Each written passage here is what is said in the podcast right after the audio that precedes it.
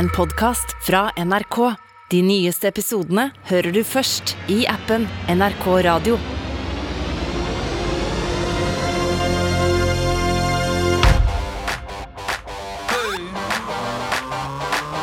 Popkorn og politikk.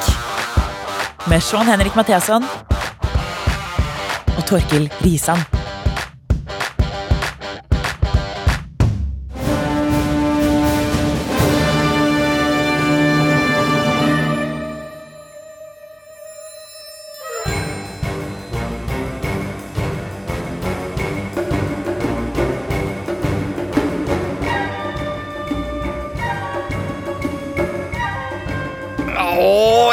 Spionmusikk! Mission Impossible! Tom Cruise som Ethan Hunt.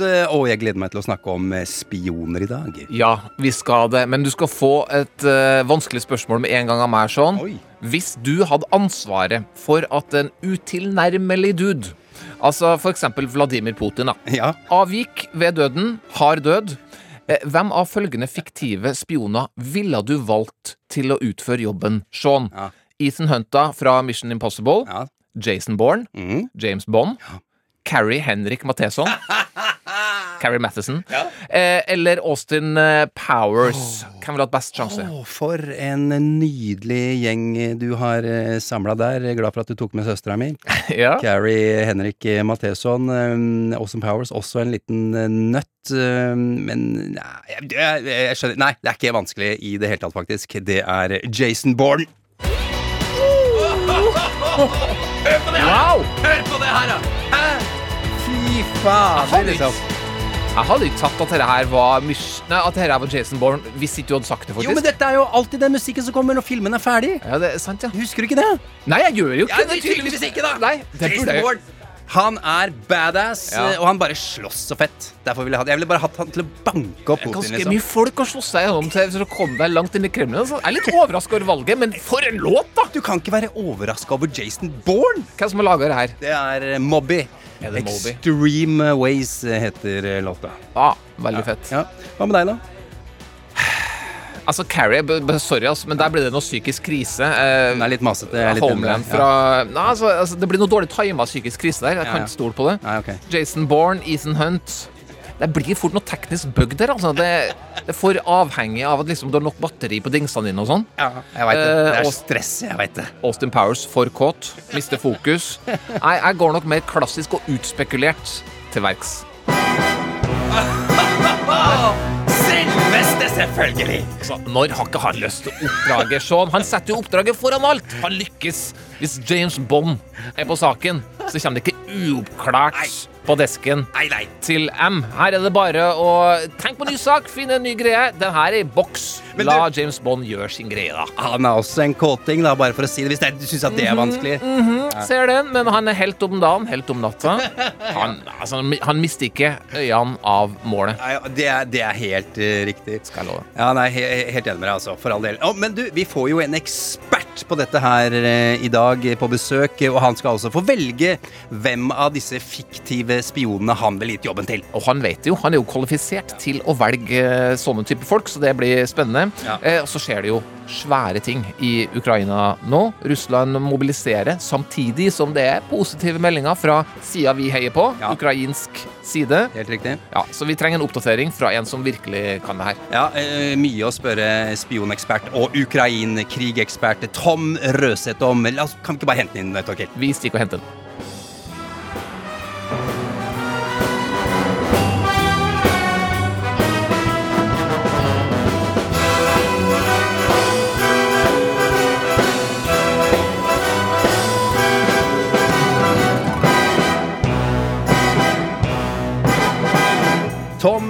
Tom velkommen.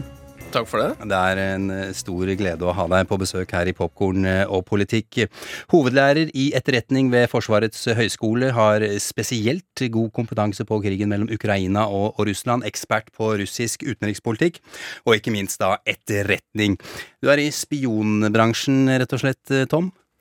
Ingen kommentar. sier jeg. Du, igjen, du kunne sagt det, men da må du drepe oss. Altså, må være forsiktige ingen kommentar. Nei betyr at du ikke er det. Ingen kommentar betyr jo ja, sånn. Okay, ja, ja, ja, ja, ja, jeg vet det. Jeg Herlig. Uh, Tom, eh, nyhetene de siste ukene har fortalt oss at eh, Ukraina er på offensiven i, i krigen. Hør på dette. Meldinger i kveld tyder på at det er full russisk retrett langs hele fronten øst i Ukraina. Men enda mer sensasjonelt er det jo at russerne også er i ferd med å forlate deler av Luhansk fylke. Ja, dette kartet endrer seg nå nærmest fra time til eh, time. Ukrainske styrker har gjenerobret minst 20 byer og tettsteder nordøst i landet. Her er jo gode nyheter for oss i Popkorn og politikk, Sean. Det er kjempegode nyheter. Vi heier på Uk Ukraina. Ja, vi, det er klart vi gjør det.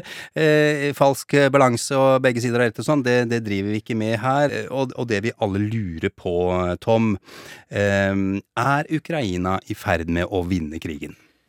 De vinner i hvert fall flere slag, og viktige slag. Og dette merker Moskva. Og vi kan se at det slår litt sprekker. Goliat vakler, Goliat eh, ramler bakover, men har ikke falt. Og krigen er ikke over. Så eh, det som gjenstår å se, er eh, hvordan Russland svarer på dette, og hvilke virkemidler de vil bruke fremover. Og hva er det vi kan forvente oss da i forhold til svar og virkemidler, tror du, Tom? Hvis eh, Ukraina nå fortsetter sin fremmarsj eh, i øst, og eh, da i Kherson i sør, så, så vil Moskva måtte svare med, med forskjellige virkemidler. Og er, da tenker jeg på en mulig mobilisering. Eh, true med atomvåpen, som de tidvis har gjort. Eh, og bruke missiler i utvidet uh, forstand mot, uh, mot flere mål i, i Ukraina. Hva er de viktigste signalene som du ser som forteller deg at eh, det går mer Ukraina sin vei nå? Det har over tid vært problemer på personellsiden på russisk side, slik at det å ha infanteri og soldater har vært vanskelig, og det har ikke klart å opprettholde bemanning langs hele fronten, og det er det Ukraina nå eh, nyttiggjør seg av.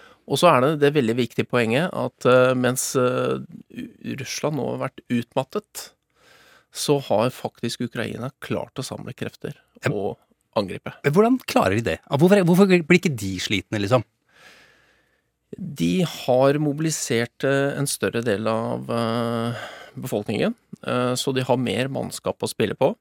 Men det er klart, ved hjelp av vestlige våpen så har de klart å stanse russiske styrker. Og jeg har ikke trodd at de ville klare å mobilisere en motoffensiv så, så kraftig som vi så.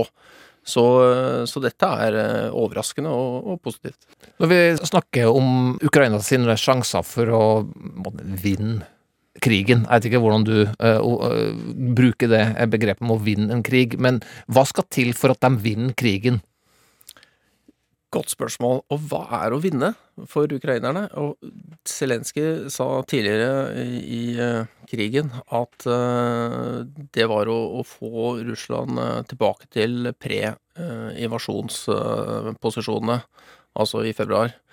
Nå har han uttalt at de skal dytte de helt ut av Krim og Donbass. Altså denne momentumen som ukrainerne nå har, den har gitt selvtillit. Mm. Eh, Jeg har jo spilt en del Risk. Jeg vet ikke med deg, Tom, om du kjenner spillet? Veldig bra spill. Veldig bra spill, og der er det jo tydelig hva som er seier. Fordi det handler jo bare om å Hvis jeg er svart og du er lilla, Tom, så vil jeg bare ha alle de lilla bort fra brettet.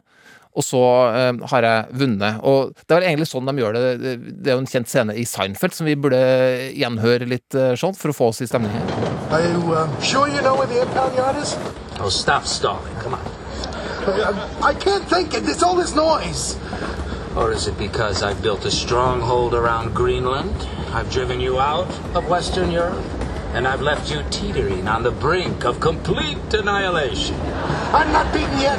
I still have armies in the Ukraine. the Ukraine! You know what the Ukraine is? It's a sitting duck. A road apple, Newman. The Ukraine is weak. It's feeble. I think it's time to put the hurt on the Ukraine. I come from Ukraine. You not say Ukraine weak. Yeah, well, we're playing a game here, pal. Ukraine is game to you. How about I take your little Boris? Eh, Zelenskyj som spilte han gamle mannen i det klippet der, eller? Han har jo skuespillererfaring. Han er en fantastisk skuespiller. Jeg vet ikke om dere har sett på de der eh, showene hans. Han er en innmari god skuespiller, og utrolig morsom. Han har en pianosketsj som er legendarisk. Altså, Risk eh, Vet ikke om dere eh, har spilt i det siste, men det har jeg. Og der er faktisk ikke Russland på kartet. Jeg har, ikke, jeg har spilt eh, veldig lite Risk, jeg kan ikke huske sist jeg gjorde det. Men hvorfor er ikke Russland med på kartet? Nei, det er eh, stort Ukraina. Det er det det er der. Er det sant? Ja. Enormt Ukraina. Så Har det, det alltid vært sånn, eller er det noe nytt etter at krigen starta? Nei, det har alltid vært sånn. jeg har ikke spilt alle utgavene av Risk. eh, Har, har du gjort det, Tom? Men, men jeg husker også at Ukraina er enormt stort, ja. Ja, så ja. vi får se. Ja. Vi får se. Men det jeg lurte på, eh, Tom, er jo det du var litt inn på der, med det momentumet. Fordi hvis eh, eh, Sånn er det jo i Risk når vi er inne på det spillet. Hvis du først er i, i gang med en armé, og du har litt momentum, da, du er litt på vei eh, innover og hogger inn nytt land, kan vi stole på at Ukraina stanser, eh, eller frykter vi at de bare fortsetter innover hvis de får en sånn type medgang? De har fått øh, en god del øh, seksere, for å si det sånn. Mm. Eh, De ruller godt øh, fremover. Så har det stoppet litt opp uh, i øst, uh, i Kharkiv nå, da. Men du husker også Risk. Da er det, da er det faktisk at du må ha mange flere i angrep enn i forsvar. For du har to- tre til to terninger. Så, um, og det, det har ukrainerne i dette området. De har flere styrker, og de har vestlige våpensystemer. Eh, Og de prøver å slå ut i russiske logistikklinjene. Og klarer de det, sånn som de er i prosess med å gjøre nå, så, så vil det vanskeliggjøre, og kanskje umuliggjøre, en russisk, gjenta, russisk inntakelse av hele Donbass. Men da, hvis at eh, Ukraina først i gang, mener jeg, altså på vei østover, frykter vi da at de bare fortsetter, og at det blir en slags motsatt invasjon? Inn i Russland, mener du? Ja. Eh, jeg snakket med en ukrainer for noen dager siden, og han sa at de er ikke interessert i å ta land i Russland. De vil bare ha russerne ut. Sa han, ja, men eh, Ja, nei, altså eh, Det er eh, selvfølgelig en mulighet. Eh, Ukrainerne har all rett til å slåss tilbake og så ta russisk territorium.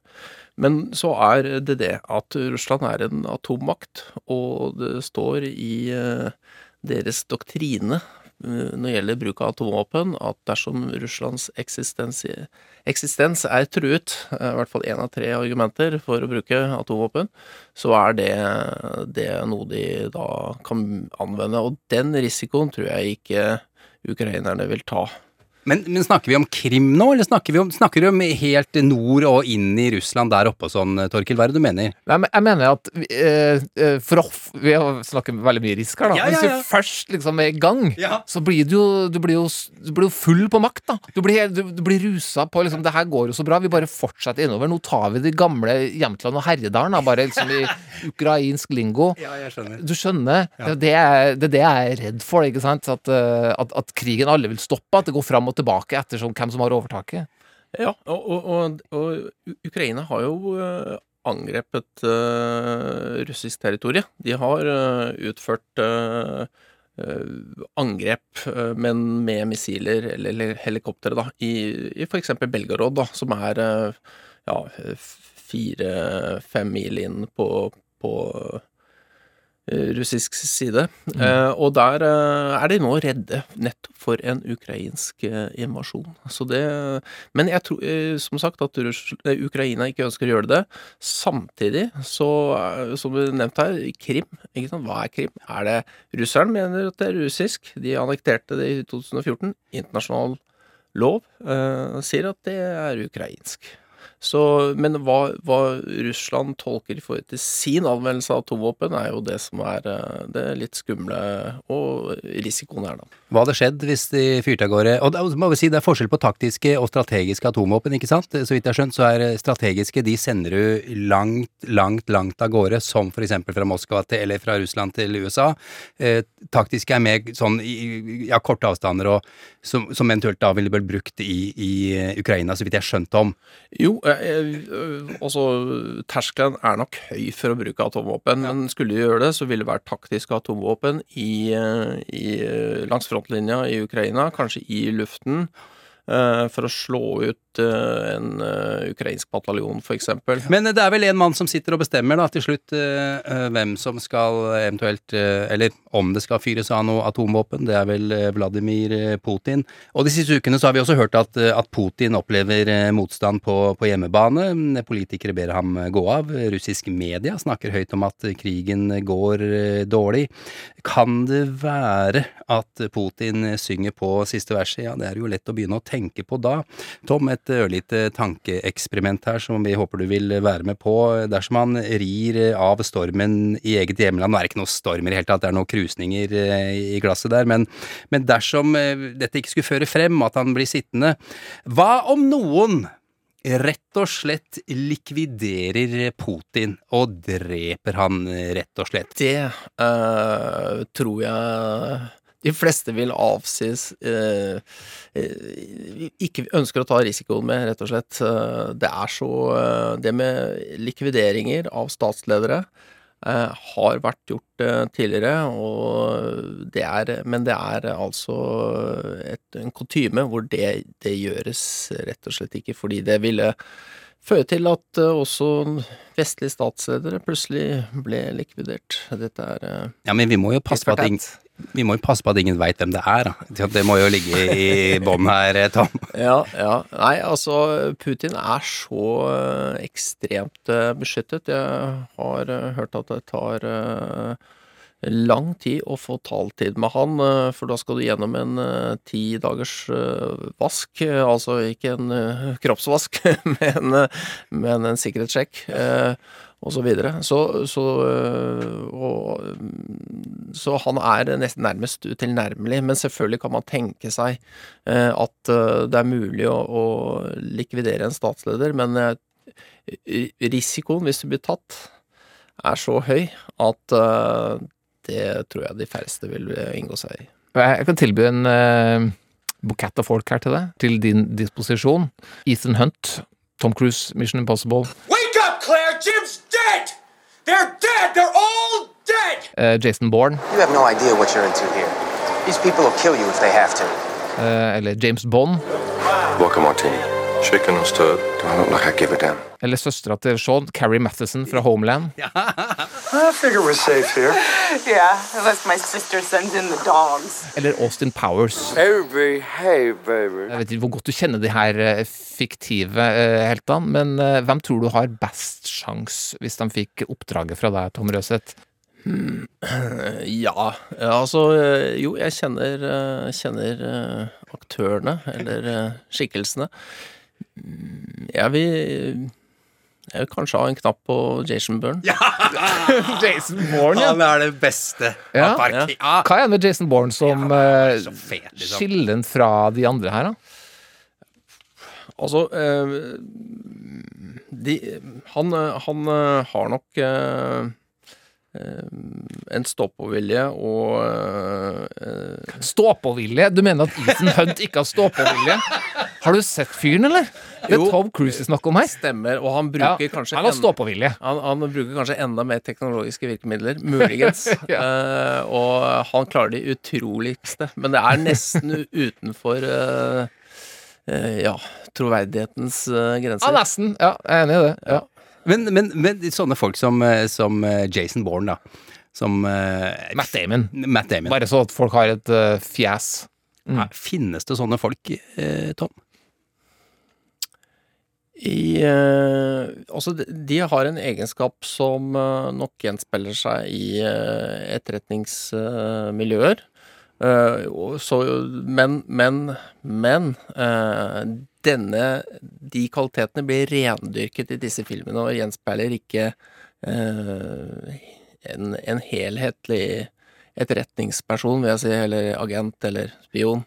Fins det noen med de her kvalitetene i det her rommet? Tom Røseth? Nei, det, det gjør det ikke. Men takk for uh, Nei, Nå tenkte jeg på Shaun, jeg, da, men ok. ja, selvfølgelig. Veldig bra. veldig bra. det. Hva skjer hvis Putin dør, da? Altså om han ikke blir likvidert, men om han uh, snubler i trappa og slår, lander litt vel forkjært? Hvis Putin dør, så er det statsministeren som tar over.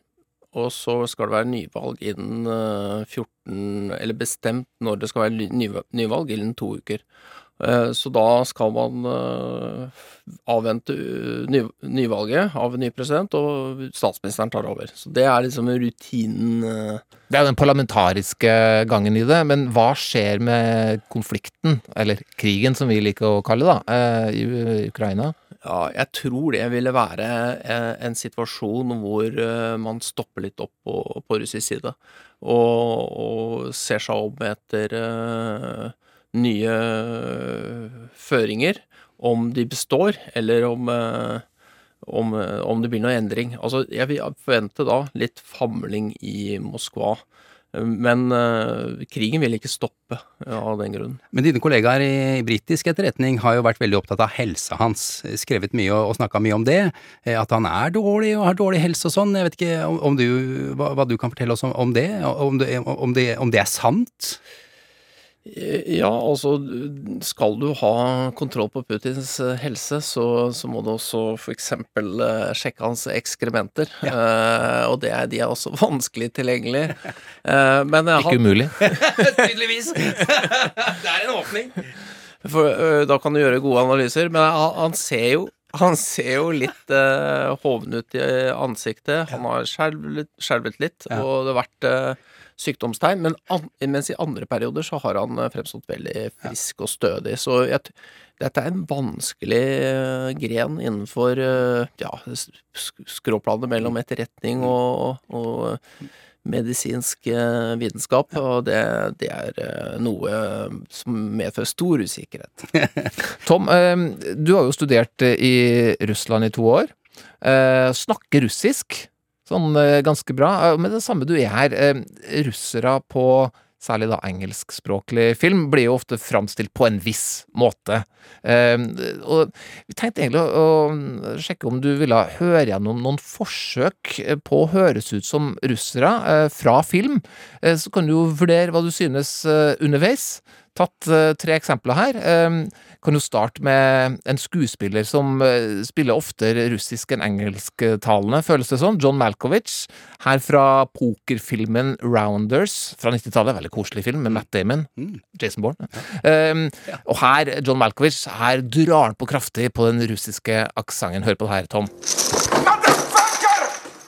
You volumet! Motherfucker! That is it! That's it. What the fuck are you talking about? That's it. Take him down, Daddy. Нет! No more! No, not tonight! This son of bitch all night, he chick, chick, chick! He trapped me! Well, you feeling satisfied now, Teddy? Because I can go on busting you up all night. Нет! Нет! He beat me. Straight up. Pay him. Pay that man his money. Pay that man his money. Innafor eller utafor, holdt jeg på å si? Nei, dette er utafor. Jeg, syns de har blitt mye flinkere siden de senere år, men det har vært eh, mye rart der ute. Det Altså. har vært mye rart. Hva er det liksom hovedgreia han bommer på her? Nei, du får ikke til eh, aksenten eh, godt nok. Og så hadde noen glosser, men de, de var eh, Det, det, det, det, det hørtes ikke russisk ut. Nei, og da har jeg litt dårlige nyheter til her, for, eh, med tanke på neste klipp. eh, Og her er det jo um, Harrison Ford og Liam Neeson i eh, ubåtfilmen K-19. Har du sett den, eh, Tom? Ja. De bryr seg litt sånn i starten av filmen, men utover i filmen Nei, Da begynner de å synes det er kjedelig å snakke russisk. Så her skal vi først høre Harrison Ford, og så er det jeg vil si mer irsk på Liam Neeson enn russisk. De skal være russere, men eh, ja, gi det en lytt. Given the current level of tensions between our countries, this could result in horrifying retaliatory attacks on the motherland. Dive the boat. Make our depth 300 meters. Keep 5 degrees. Flood all main ballast. Blood all main ballast. Ja, han prøver jo ikke engang! Nei, men gjør jo det i starten av filmen, da. Altså, hva, hva, hva skal vi si, Tom? Nei, jeg syns det var et uh, håpløst forsøk. Det der, hæ? Det var svakt. Så har vi jo en som i hvert fall ja, altså, han prøver, da. Um, han prøver altfor sterkt, og det gjør han jo egentlig absolutt alt han gjør. Peter Stormare, To ord om Peter Stormare som skuespiller fra deg, sånn Henrik Matheson. Han suger hardt. Oi, det var ubalansert, men sånn Ja, skal det være. det sånn gjør vi det her i Popkorn og politikk. Ja, han har jo til og med vært ute i intervju og sagt Han spiller den samme europeiske aksenten uansett. Mm. Men her får vi høre den da i eh, den gangen Bruce Willis skulle redde verden som oljeborer. Ja da, det skjedde også. I Armageddon, og da er det Petter Stormare som russer, selvfølgelig. So the jet thrust is off exactly when we jump, and then Okay. I'm gonna put them on, and we're gonna go down nice and slow. That's it, that's it, baby. That's This it. gonna work.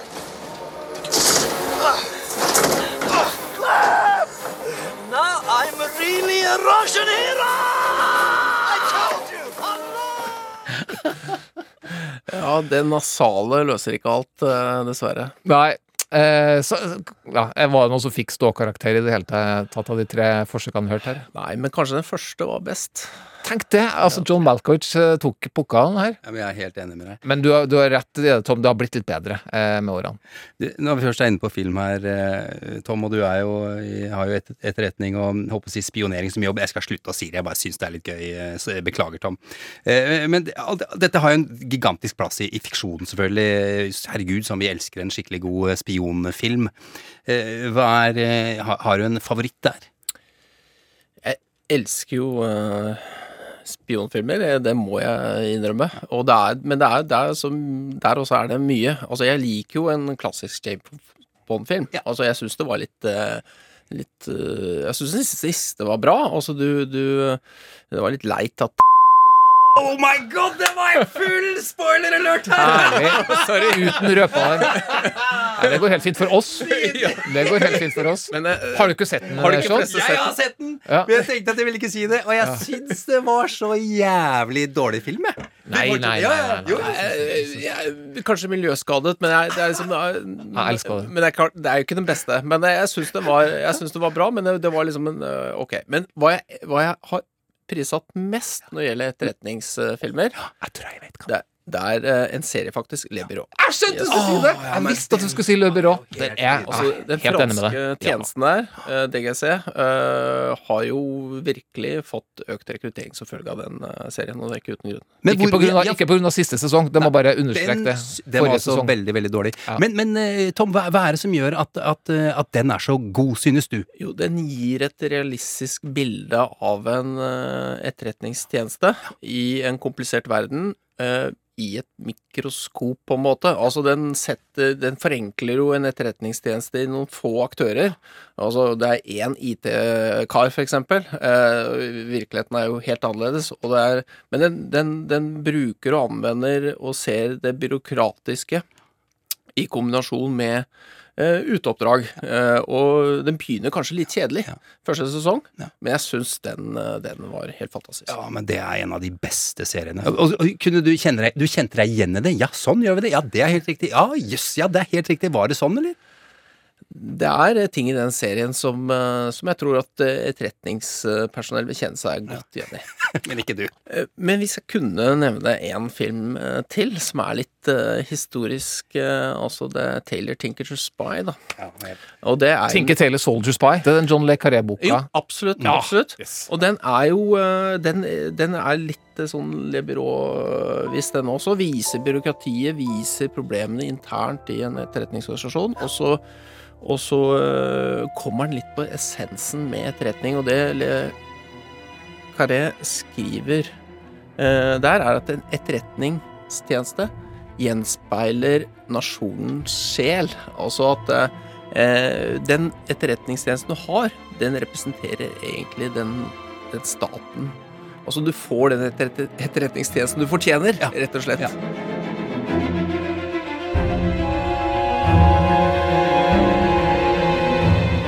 Tom Røseth, tusen takk for besøket. Hyggelig å være her.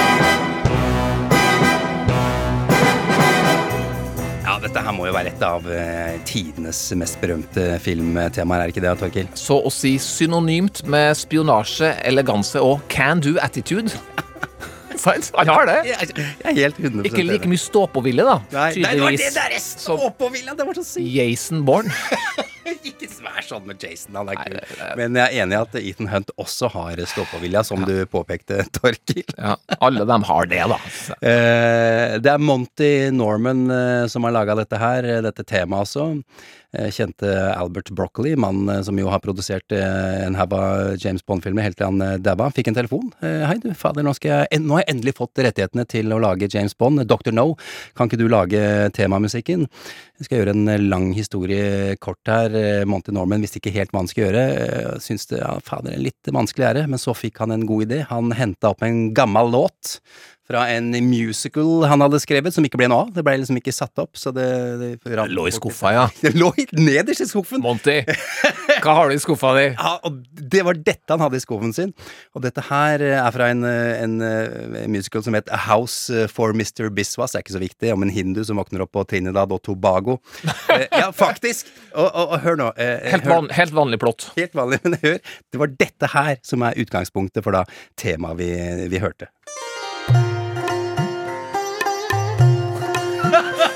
Er det mulig? Hør, da! Hør nå.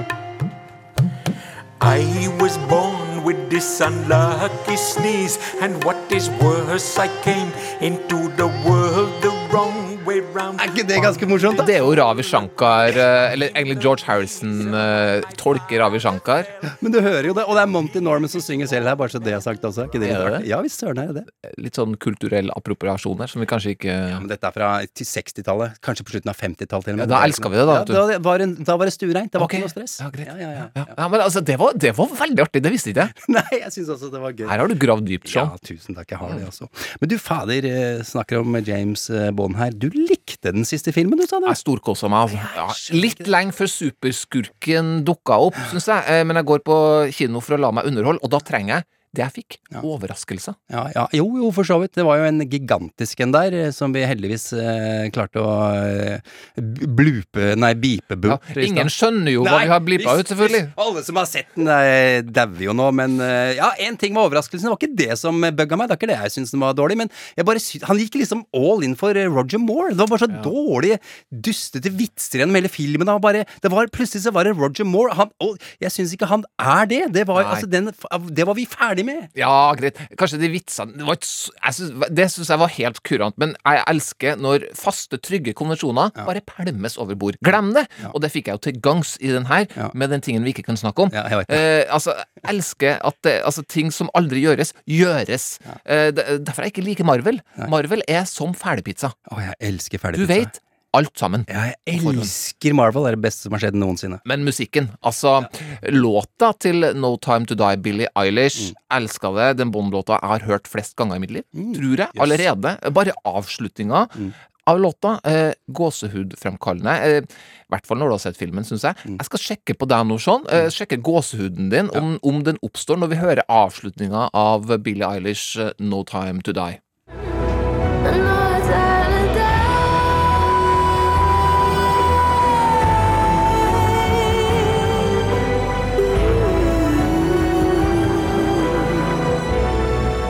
Nå kommer det. Nå kommer det.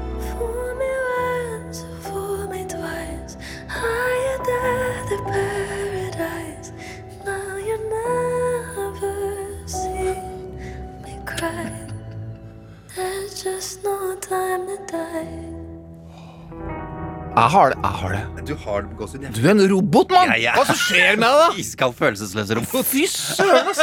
Sorry. Jeg bare, Ah. jo, men faen, låta er fet, og Billie Eilish er jo helt rå for all del, altså, men um... Ja, nei, Hun fikk giggen, og det syns jeg var velfortjent. Jeg elska det. Helt enig. Som sagt, men det er jo mange artister som har prøvd å få seg en Bond-låt. Eh, ikke lykkes. Skal ta tre eksempler her. Eh, Golden Eye kjenner vi jo til. Eh, filmen. Eh, også artisten endte opp med Tina Turner. Men eh, Ace of Base den var på høyden på den tida der. De var det. ja, de var jo gigantiske! De var virkelig med på shortlista. De Sven- leverte en låt! Ja visst faen. Svenske Unnskyld språket, svenskene Ace of Base. Svenskene er Ace of takk for det. Nei. det er, nei, det er fint, det. Jeg glemte å si at de var svenske. Ja, det må du si. Og det betyr noe, for det er litt den enkle, billigproduserte poppen. Den kan funke til Bond også, tror de James Bond. Så her er Ace of Base sitt forsøk med Golden Eye, da. We're in the 90s.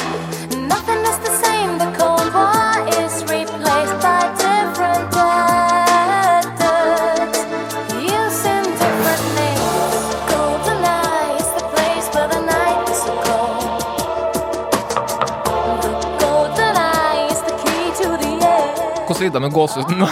Det, var nesten så jeg fikk gåsehud. For det var, men du, dette er bare så vi, vi er klinkende klare her. Dette her er sant. Dette er et Ja, ja, ja. forslag som de sendte inn, og de ble refusert. Helt sant. De ble vel kanskje til og med eh, invitert kan til å gjøre det. Jeg bare sa, når, husk på starten, de name checker årtiet de er i. We're in the 90s. Bare snakk om å Dere er datert nok. Det trenger ikke å si at dere er 90-tallet. Og det der billige lydbildet der, er, men var det en demo, eller var det sånn det hørtes ut på den tida? Dette var det vasseste, liksom. Jeg husker ikke lenger. Det, nei, det, altså, de var jo aldri tungt produsert. Nei, nei, det var jo ikke det. Det var de jo aldri. Eh, Det var, fantes folk som produserte mer enn Ace of Base. Men ja, dette var uh, forsøket deres. Men du hørte jo at det var en sånn James Bond-aktig greie de hadde gått for her. Du hører jo det. Det er Ace of Base gjør James Bond, ja. Det er det. De tapte jo da selvfølgelig mot uh, den her eh, låta.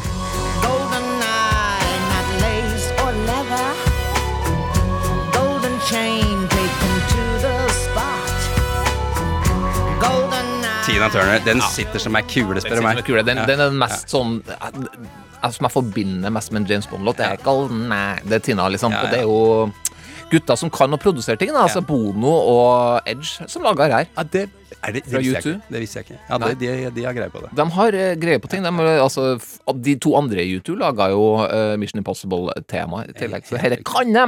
Spionsjangeren. Men eh, Sean, bare fer helt ferdig med Ace of Base, faktisk. Fordi hva gjør du når du har en låt? Mm. Du har tatt deg bryet med en, men siden den heter Golden Eye, Mm. Og du vet at det er ikke James Bond Golden Eye, den offisielle låta, det vil bare lyse reject av den. Jeg har lyst til å gi den ut lell. Hva gjør du da? Altså, Sånn som Monty Norman, du går ned i skuffa, finner en gammel godlåt. Hva, hva, hva ville du gjort? Nei, det må jeg kalle noe annet, da. Det er det Kall noe annet, vet du. Så Ace of Base tenkte jeg, hva kan vi tenke som høres ut som Golden Eye, da? Juvenile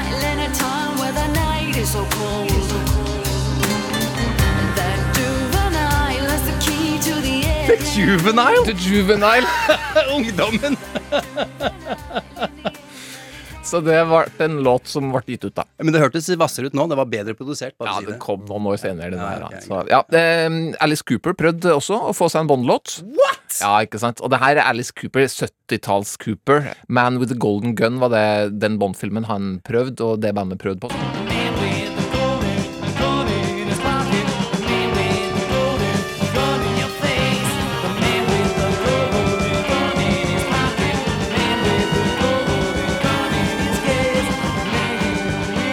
Popkorn og politikk med Sean Henrik Matheson og Torkil Risan. In your face! Ja, eh, Litt sånn prog-tung eh, Alice Cooper der. Men likevel, de får den derre båndsvungen over den. Ja, nå er du snill. Jeg synes- Ja, det er bare lagt på i postproduksjon. Jeg, syns Jeg syns heller ikke den var maksimal. Altså, det var jo Lulu som fikk eh, den gigen. Heller ikke en sånn stor klassiker, men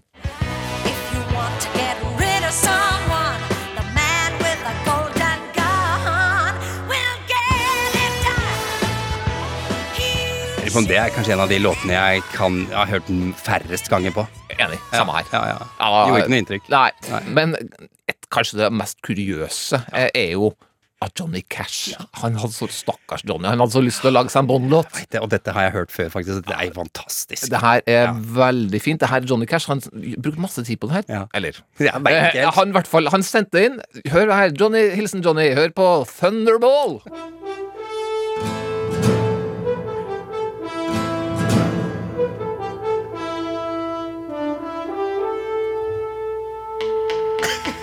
Ikke gitaren. Ring of Fire-gitar. There's a rumble in the sky, and all the world can hear it call. Vent, da. Hør da. They shudder at the fury of the mighty thunderball. Den er ikke Men han er jo Han føler jeg er tro til seg selv her, da. Han går ikke i bånd med musikkfella, liksom. Det er ikke noe sell-out. Nei. Men vi sitter her er introen til en terning fire middels western-serie. Thunderball. Å, jeg liker det. Mye, hest i den serien. Bon Marie mye. Se for deg litt sliten cowboy bare støva av gårde Ja, ja, ja. på, en, på en, en sort hingst som heter Thunderball. Men du, kan vi bare høre Tom Jones òg, siden han jo tross alt fikk eh, oppdraget? So he strikes like thunder.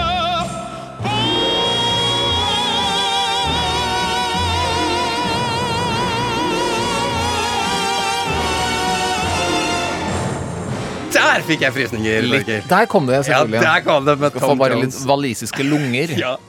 Å, fy fader, altså. Det er stemmen sin, det, tenker jeg. Bra produsert, Brokkolifamilien. Ja. ja, brokkoli. Artig at du sier det, Torkel, Torkil, for det er jo en myte om at eh, det var eh, familien Brokkoli som fant opp eh, grønnsaken eh, brokkoli. Dette er gått dypt inn i. Det er helt sjukt. Altså, det må alle folk vite. Altså, mange har sikkert hørt om det før.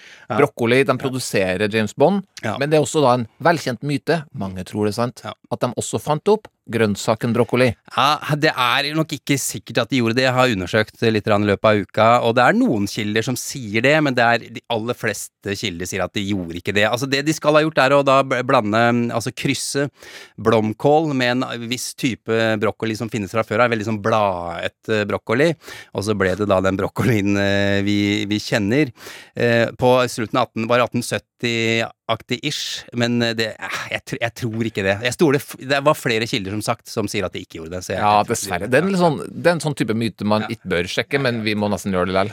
Men eh, brokkolifamilien var grønnsakshandlere. Både i, til, ja. De kommer fra Italia, selvfølgelig, eh, og kom til New York etter hvert, eh, og var grønnsakshandlere i Queens. Hva var, grønnsakshandlere før brokkoli fantes? Altså, jeg vet ikke, ja, fantes brokkoli på nei, Det er også en ting her som jeg har sett flere steder, at onkelen til Albert R. Broccoli, han skal ha importert de aller første blomkålfrøene til USA fra Italia. Jeg, jeg veit ikke. Men Ja, eh, sånn, det, det er myter, og vi- dette er ikke bekrefta. Skjønner, skjønner, skjønner. Artig liten tilleggsting her. Altså, de brok Brokkolifamilien de hadde en eh, bigeskjeft. De lagde gravkister. Eh, Og det var liksom den delen av, av familiebusinessen Albert Broccoli skulle inn i, men han blei så deprimert av å jobbe med gravkister, han orka ikke. Å, selvfølgelig. altså, Brokkolifamilien det er, sånn, det er noe annet enn Risan-familien. Det, er sånn, det, det er så kjedelig. det er ikke noe artig. Dette her er jo det er sånn man skal lede. Det er James Bond og det er kista. Og det er liksom sånn Kanskje vi laga brokkolien, kanskje vi ikke gjorde det? Så, men eh, nei, så det orka han ikke, og så havna han da i, i filmbransjen eh, til slutt. Ble venn med Cary Grant, faktisk, en annen stor skuespiller, og så ble de bestevenner, og så kom han seg inn i bransjen. da. Så fikk han endelig kjøpt Flemming sine rettigheter til James Bond. Og resten er historie. Bye.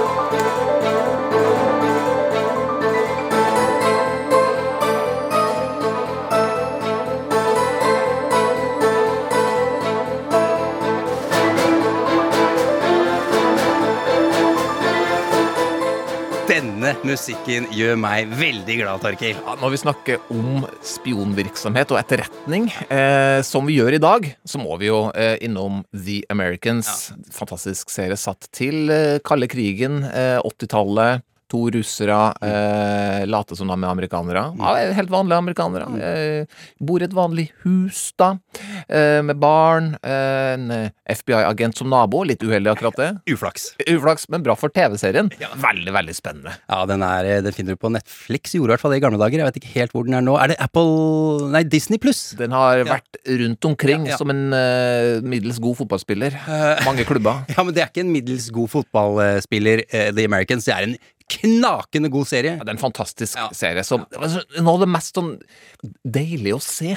For den er meget god. Den er, den er ikke helt sånn elite-elite, sier jeg da. Jeg syns den er skikkelig skikkelig god. Den er sånn, Du vinner litt priser for uh, skuespill og sånn. Men den var så lystbetont å se. Det var så utrolig spenning. Ja, den var, den var så spennende. Ja. Ok, men hvis det er en av de seriene vi har kost oss aller mest med, for jeg vet at vi har det samme forhold til den serien, Mm. så må det jo også være en av de beste, tenker jeg. Skal det være så Ok vanskelig, da, liksom? Ja, ok da. Uh, vi, vi sier det. Det er en av de beste. Paret da, The Americans var uh, basert på Dette er jo en sann historie, dette skjer jo. Såkalte sleeper agents. Det er jo eh, agenter som, eh, som er eh, som, som havner Som blir sendt til et land. Er det vok nesten så de vokser opp der og er helt vanlige mennesker. De får falske identiteter og sånne type ting. Ja. Eh, og The Americans er da løselig eh, basert på Donald Heth Heathfield og Tracy Foley, som dette paret het. Heter egentlig Andrej Bezrukov og Elena Vavilova. Født eh, i Russland på tidlig 60-tall. Så gikk de på universitet, og så gifta de seg, og så ble det sant, så ble de rekruttert av KGB. Det er jo akkurat som eh, de to i The Americans, altså. Nøyaktig likt. Eh, og så ble de da sendt til utlandet, bodde i mange forskjellige land, gikk på eliteuniversiteter eh, overalt. Og hvorfor er det viktig, Torkil? Får de beste jobbene, da. Møter sikkert viktige folk. Ganske enkelt. ikke sant? Det er masse viktige folk på Harvard som han gikk på, og, Mm. og, ikke sant? og så blir han venner med de, og så får han jobber og alt mulig, og så, og så plutselig så har han det nettverket, og tapper folk for informasjon overalt, liksom. Det finnes jo helt sikkert sånne sovende agenter rundt omkring. Altså, De i Americans var ikke veldig sovende, de var brutalt aktive. Mm, Men uh, folk som bare går rundt og så bare venter på å få liksom bryteren på. Ja, ja, ja. Han eh, her ble for eksempel venn med presidenten av eh, en av presidentene av Mexico på et tidspunkt. Da han gikk på Så- Harvard også. Ja. Han gjorde det, ja? Skjønner du? Ja, men da har du lykkes allerede. Ja, ja, så da er det jo helt inne. Så, nei, ta- så, dette paret her, da, som jeg snakka om, de ble busta i AFBI i 2010. Eh, Stemmer. Da var det ganske mange som ble tatt samtidig. Ti stykker ble tatt. Mm. Eh, jeg har ikke klart å finne ut av hva det var som avslørte dem, men i 2010 da hadde de allerede vært eh, under eh, overvåkning i, i ti år. Jeg vet ikke, Kanskje ikke FBI vil avsløre hva det var, eh, jeg, jeg, men Nei, hva var det? Det kunne jo vært at eh, det var en, eh, en som tysta, på en måte, og som sa at vi har eh, masse sleeper-agenter eh, her og der. Eh, jeg, har, jeg har hørt om den aksjonen her, jeg husker ikke akkurat hva som Nei, gjorde det her. Eh, men eh, det er jo verdt å nevne at han som laga The Americans, Mm. Joe Weisberg, han var jo CIA-agent sjøl tidligere. Så, så den serien er også ganske sånn troverdig. Mm. Eh, og lite troverdig på noen eh, punkter, men, men settingen, den er veldig til å tro på. Ja, fordi de, de gjør jo veldig mye der. Det er drap, og det er de, de, Altså, de dreper veldig mange mennesker. Og det gjorde, gjør visstnok ikke sleeper-agenter på ekte, da, har jeg hørt. Jeg veit ikke. Nei, det er mulig. Eh, men det fins jo sikkert noen eh, sovende fortsatt, og, og kanskje her i Norge til og med? Ja, du, jeg fant en uh, sak i, i NRK eh, fra 2016 riktignok, så, så noen år gammel. Eh, Det var uh, intervju med en gammel norsk eh, spionjeger. Han er død nå, men han eh, ja, ble gammel og har sett eh, veldig mye. Eh, Han, eh, I dette intervjuet så, så sier jo han rett ut at, eh, at det var sånne agenter i Norge også. eh, og Han fanga et par av dem selv på, på 50- eller 60-tallet.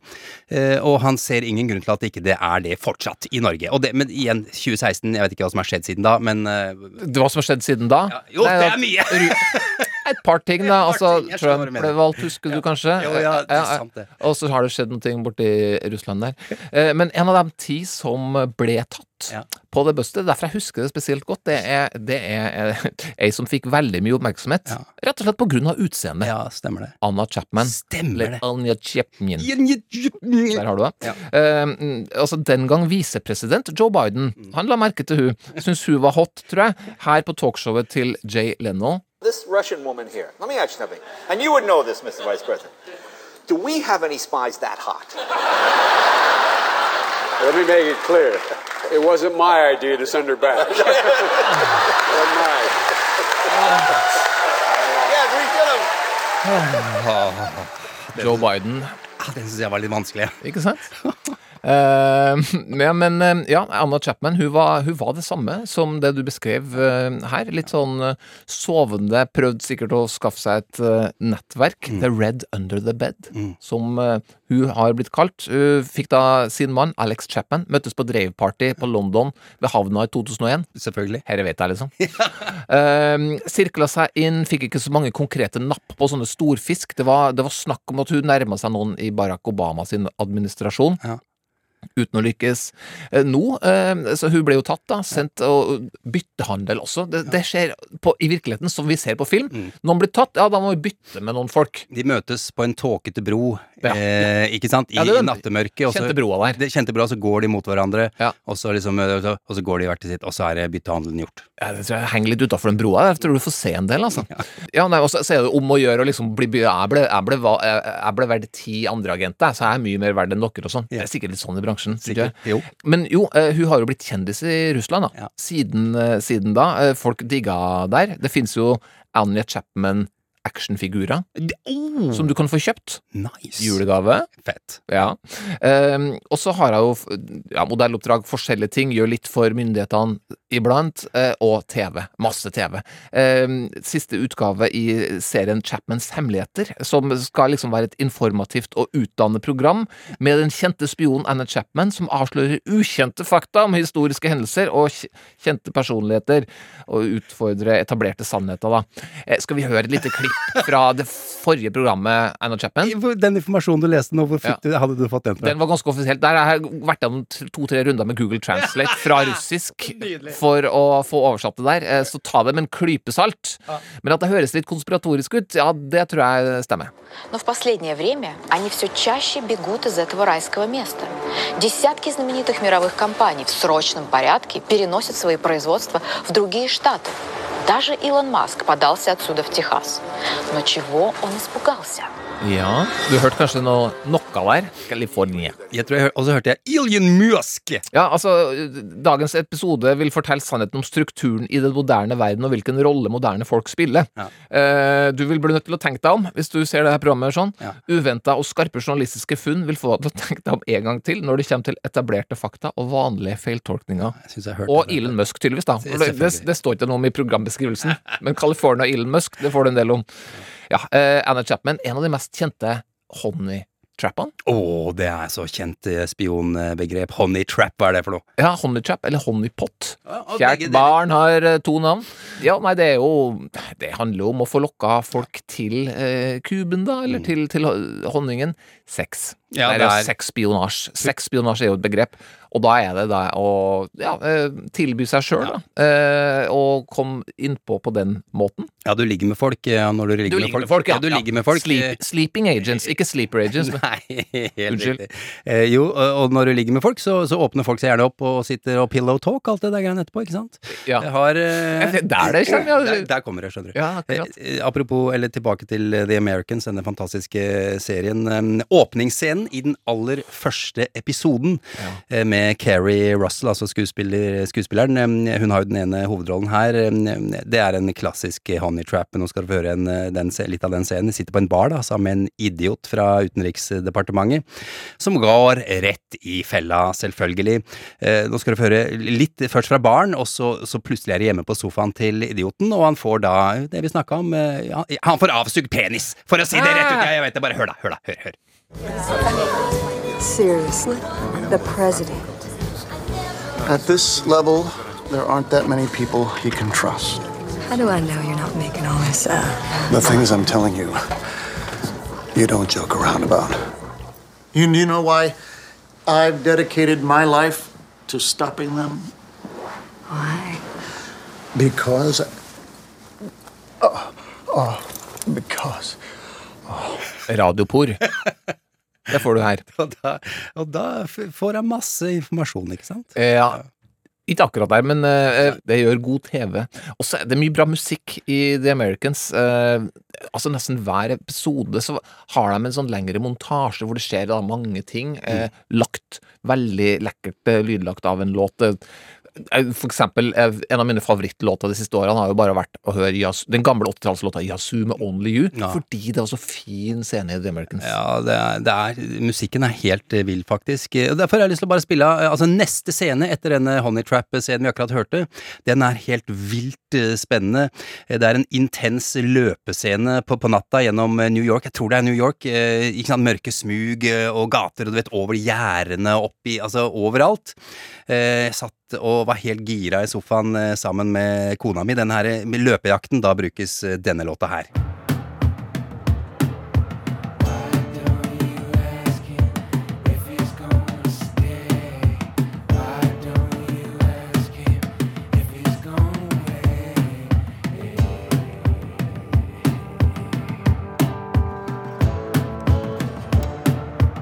Får litt puls av det, ikke sant? Ja, ja, ja, absolutt. Det Høre ja. hører eh, Hører liksom klampinga bortover gatene. Desperasjon over gjerdet der. Fleetwood Mac eh, Tusk heter den låta der. Takk Helt for den, eh, nydelig, vær så god. Veldig bra. Når det kommer til den kalde krigen, Sean, så har jeg litt lyst til å tipse om en podkast som jeg vet at du ikke har hørt. Sikkert eh, veldig mange andre også som ikke har hørt Wind of Change, for det fins en teori om at denne kjente Scorpions-låta ikke er laga av det tyske hårmetallbandet, men av en kjent etterretningsorganisasjon. For the past 10 years, there's been one story that I can't crack, and it keeps taking me to the most ridiculous places. I first heard it from my friend Michael. This song had been written by the CIA to insert into the Soviet Union to encourage change. Could that be possible? That the CIA could have collaborated with a German hairband to write a power ballad that ended the Cold War and somehow kept the whole thing secret ever since? That's what we want to figure out.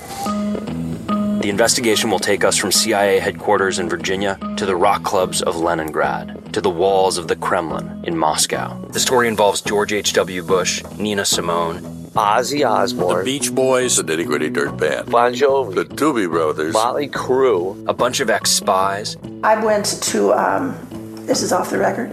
Sure. Now we're back on the record. and of course, a little band from Hanover, Germany, that formed 50 years ago and went on to change the world.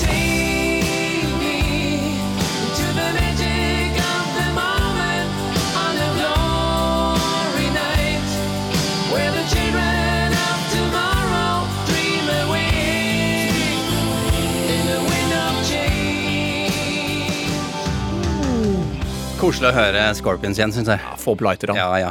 Herlighet. Plystre Aldri øvd så mye på plystring som i 1990. Han nailer det, han eh, vokalisten. Klaus Meine. Stemmer. Men du, eh, åtte episoder. Ja. Eh, i- får vi svar, eller, i denne podkastserien? Du får et, Ja. et svar, og så Ja. er det jo Kan man ta et svar for et svar i denne bransjen? Ja, nei. Ikke sant? Altså, Du er mange runder rundt. Vi hørte så vidt en sånn CIA-agent. Hun har de fantast... Hun kunne ha hatt en egen podkast. Hun som er Nå er vi, nå er vi uoffisielt, nå er vi offisielle, nå er vi on record, nå er vi off the record. Nei, det var forresten off the record. Du er kjempemorsom. Ja, det er gøy. Eh, Men du, jeg la merke til at, eh, at Nina Simone blir nevnt her. Eh, Ja. Legendarisk eh, amerikansk artist og, og borgerrettighetsforkjemper. Mm. Hvorfor er hun blanda inn i dette her?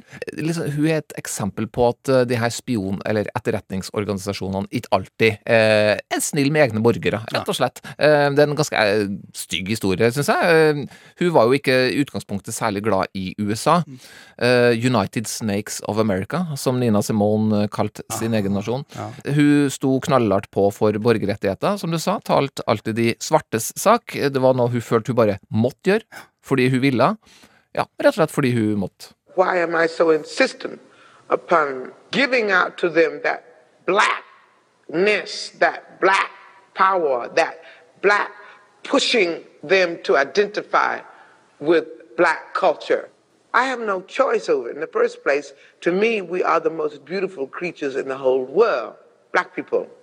And to me, we have a culture that is surpassed by, by, by, by no other civilization, but we don't know anything about it.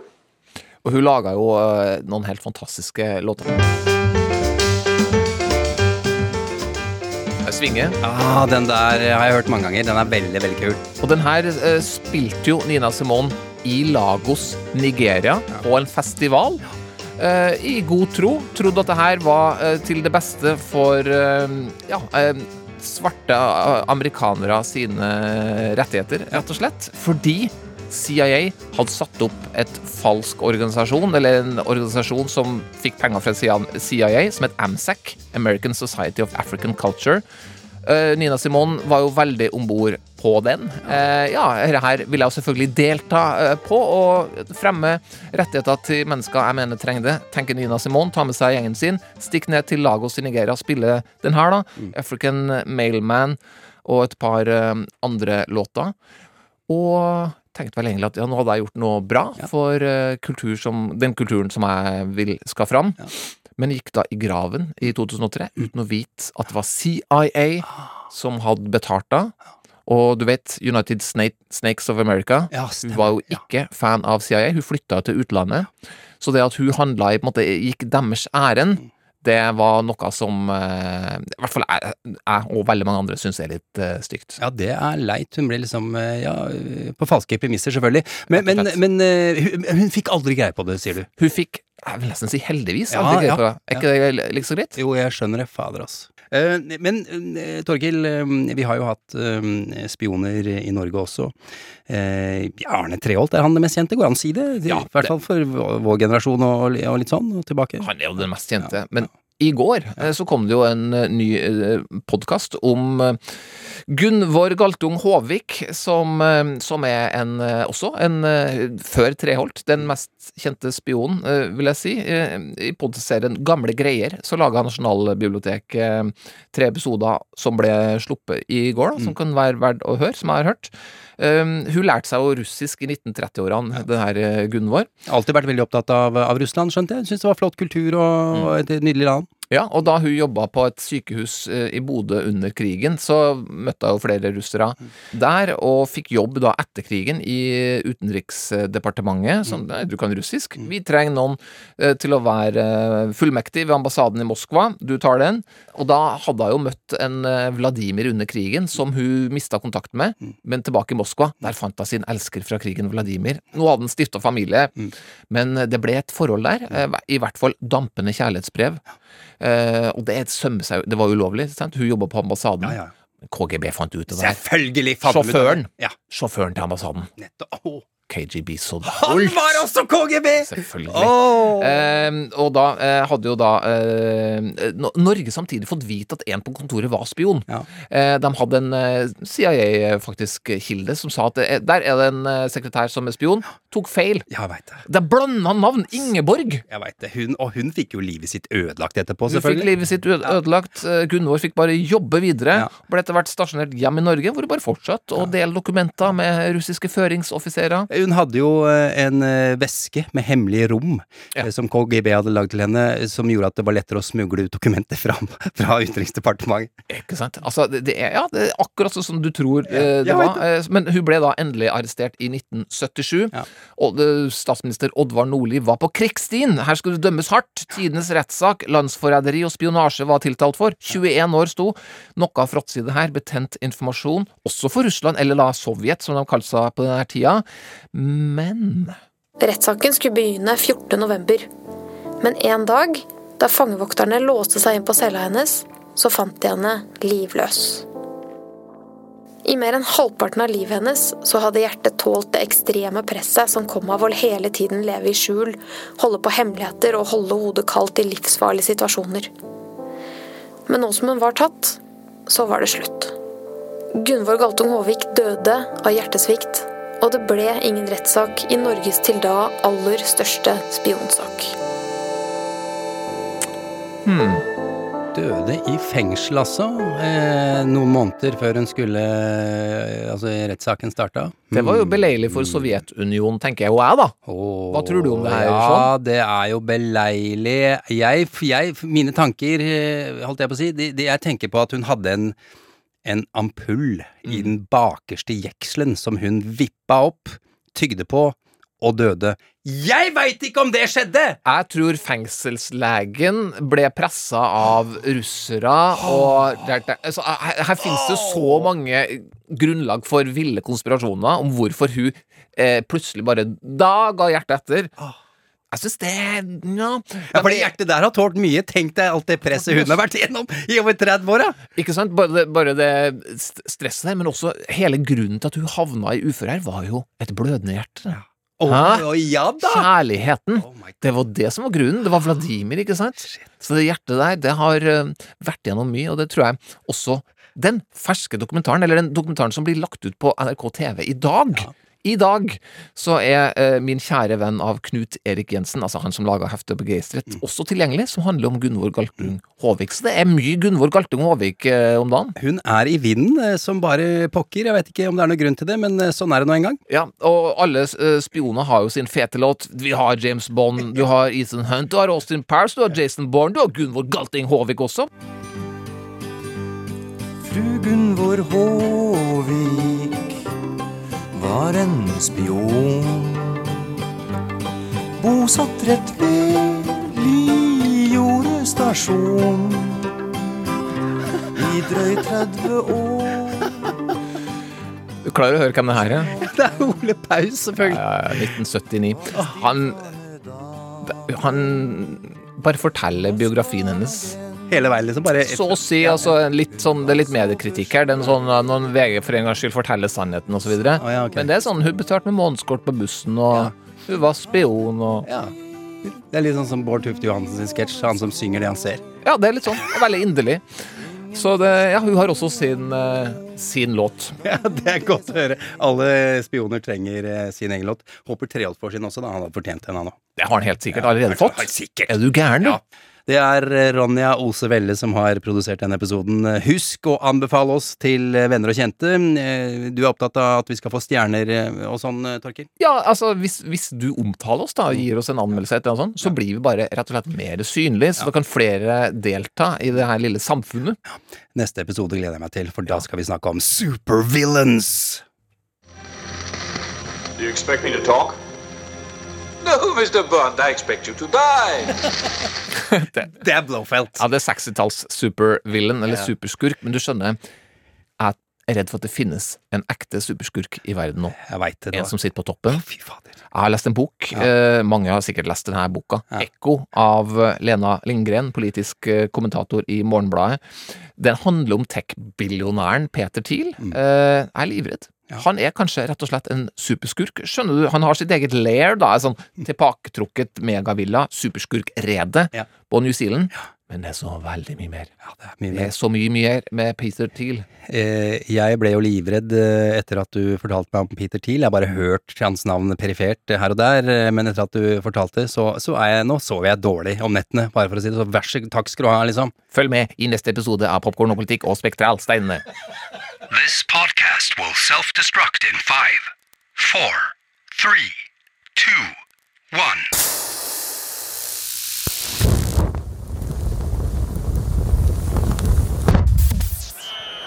En podkast fra NRK. Drillo! Egil! Roger Olsen! Du er i samme klasse som Ibsen og Grieg! I 1999 blir Egil Drillo Olsen trener for den engelske fotballklubben Wimbledon i Premier Du League. har gjort Norge verdensberømt! Du har funnet opp fotball på nytt! Men ikke alle trodde at den defensive Drillo-stilen ville fungere i fotballens hjemland. Foran nær 16 000 tilskuere sviktet Wimbledon fullstendig mot Southampton. Wimbledon, en norsk fotballtragedie, hører du først i appen NRK Radio.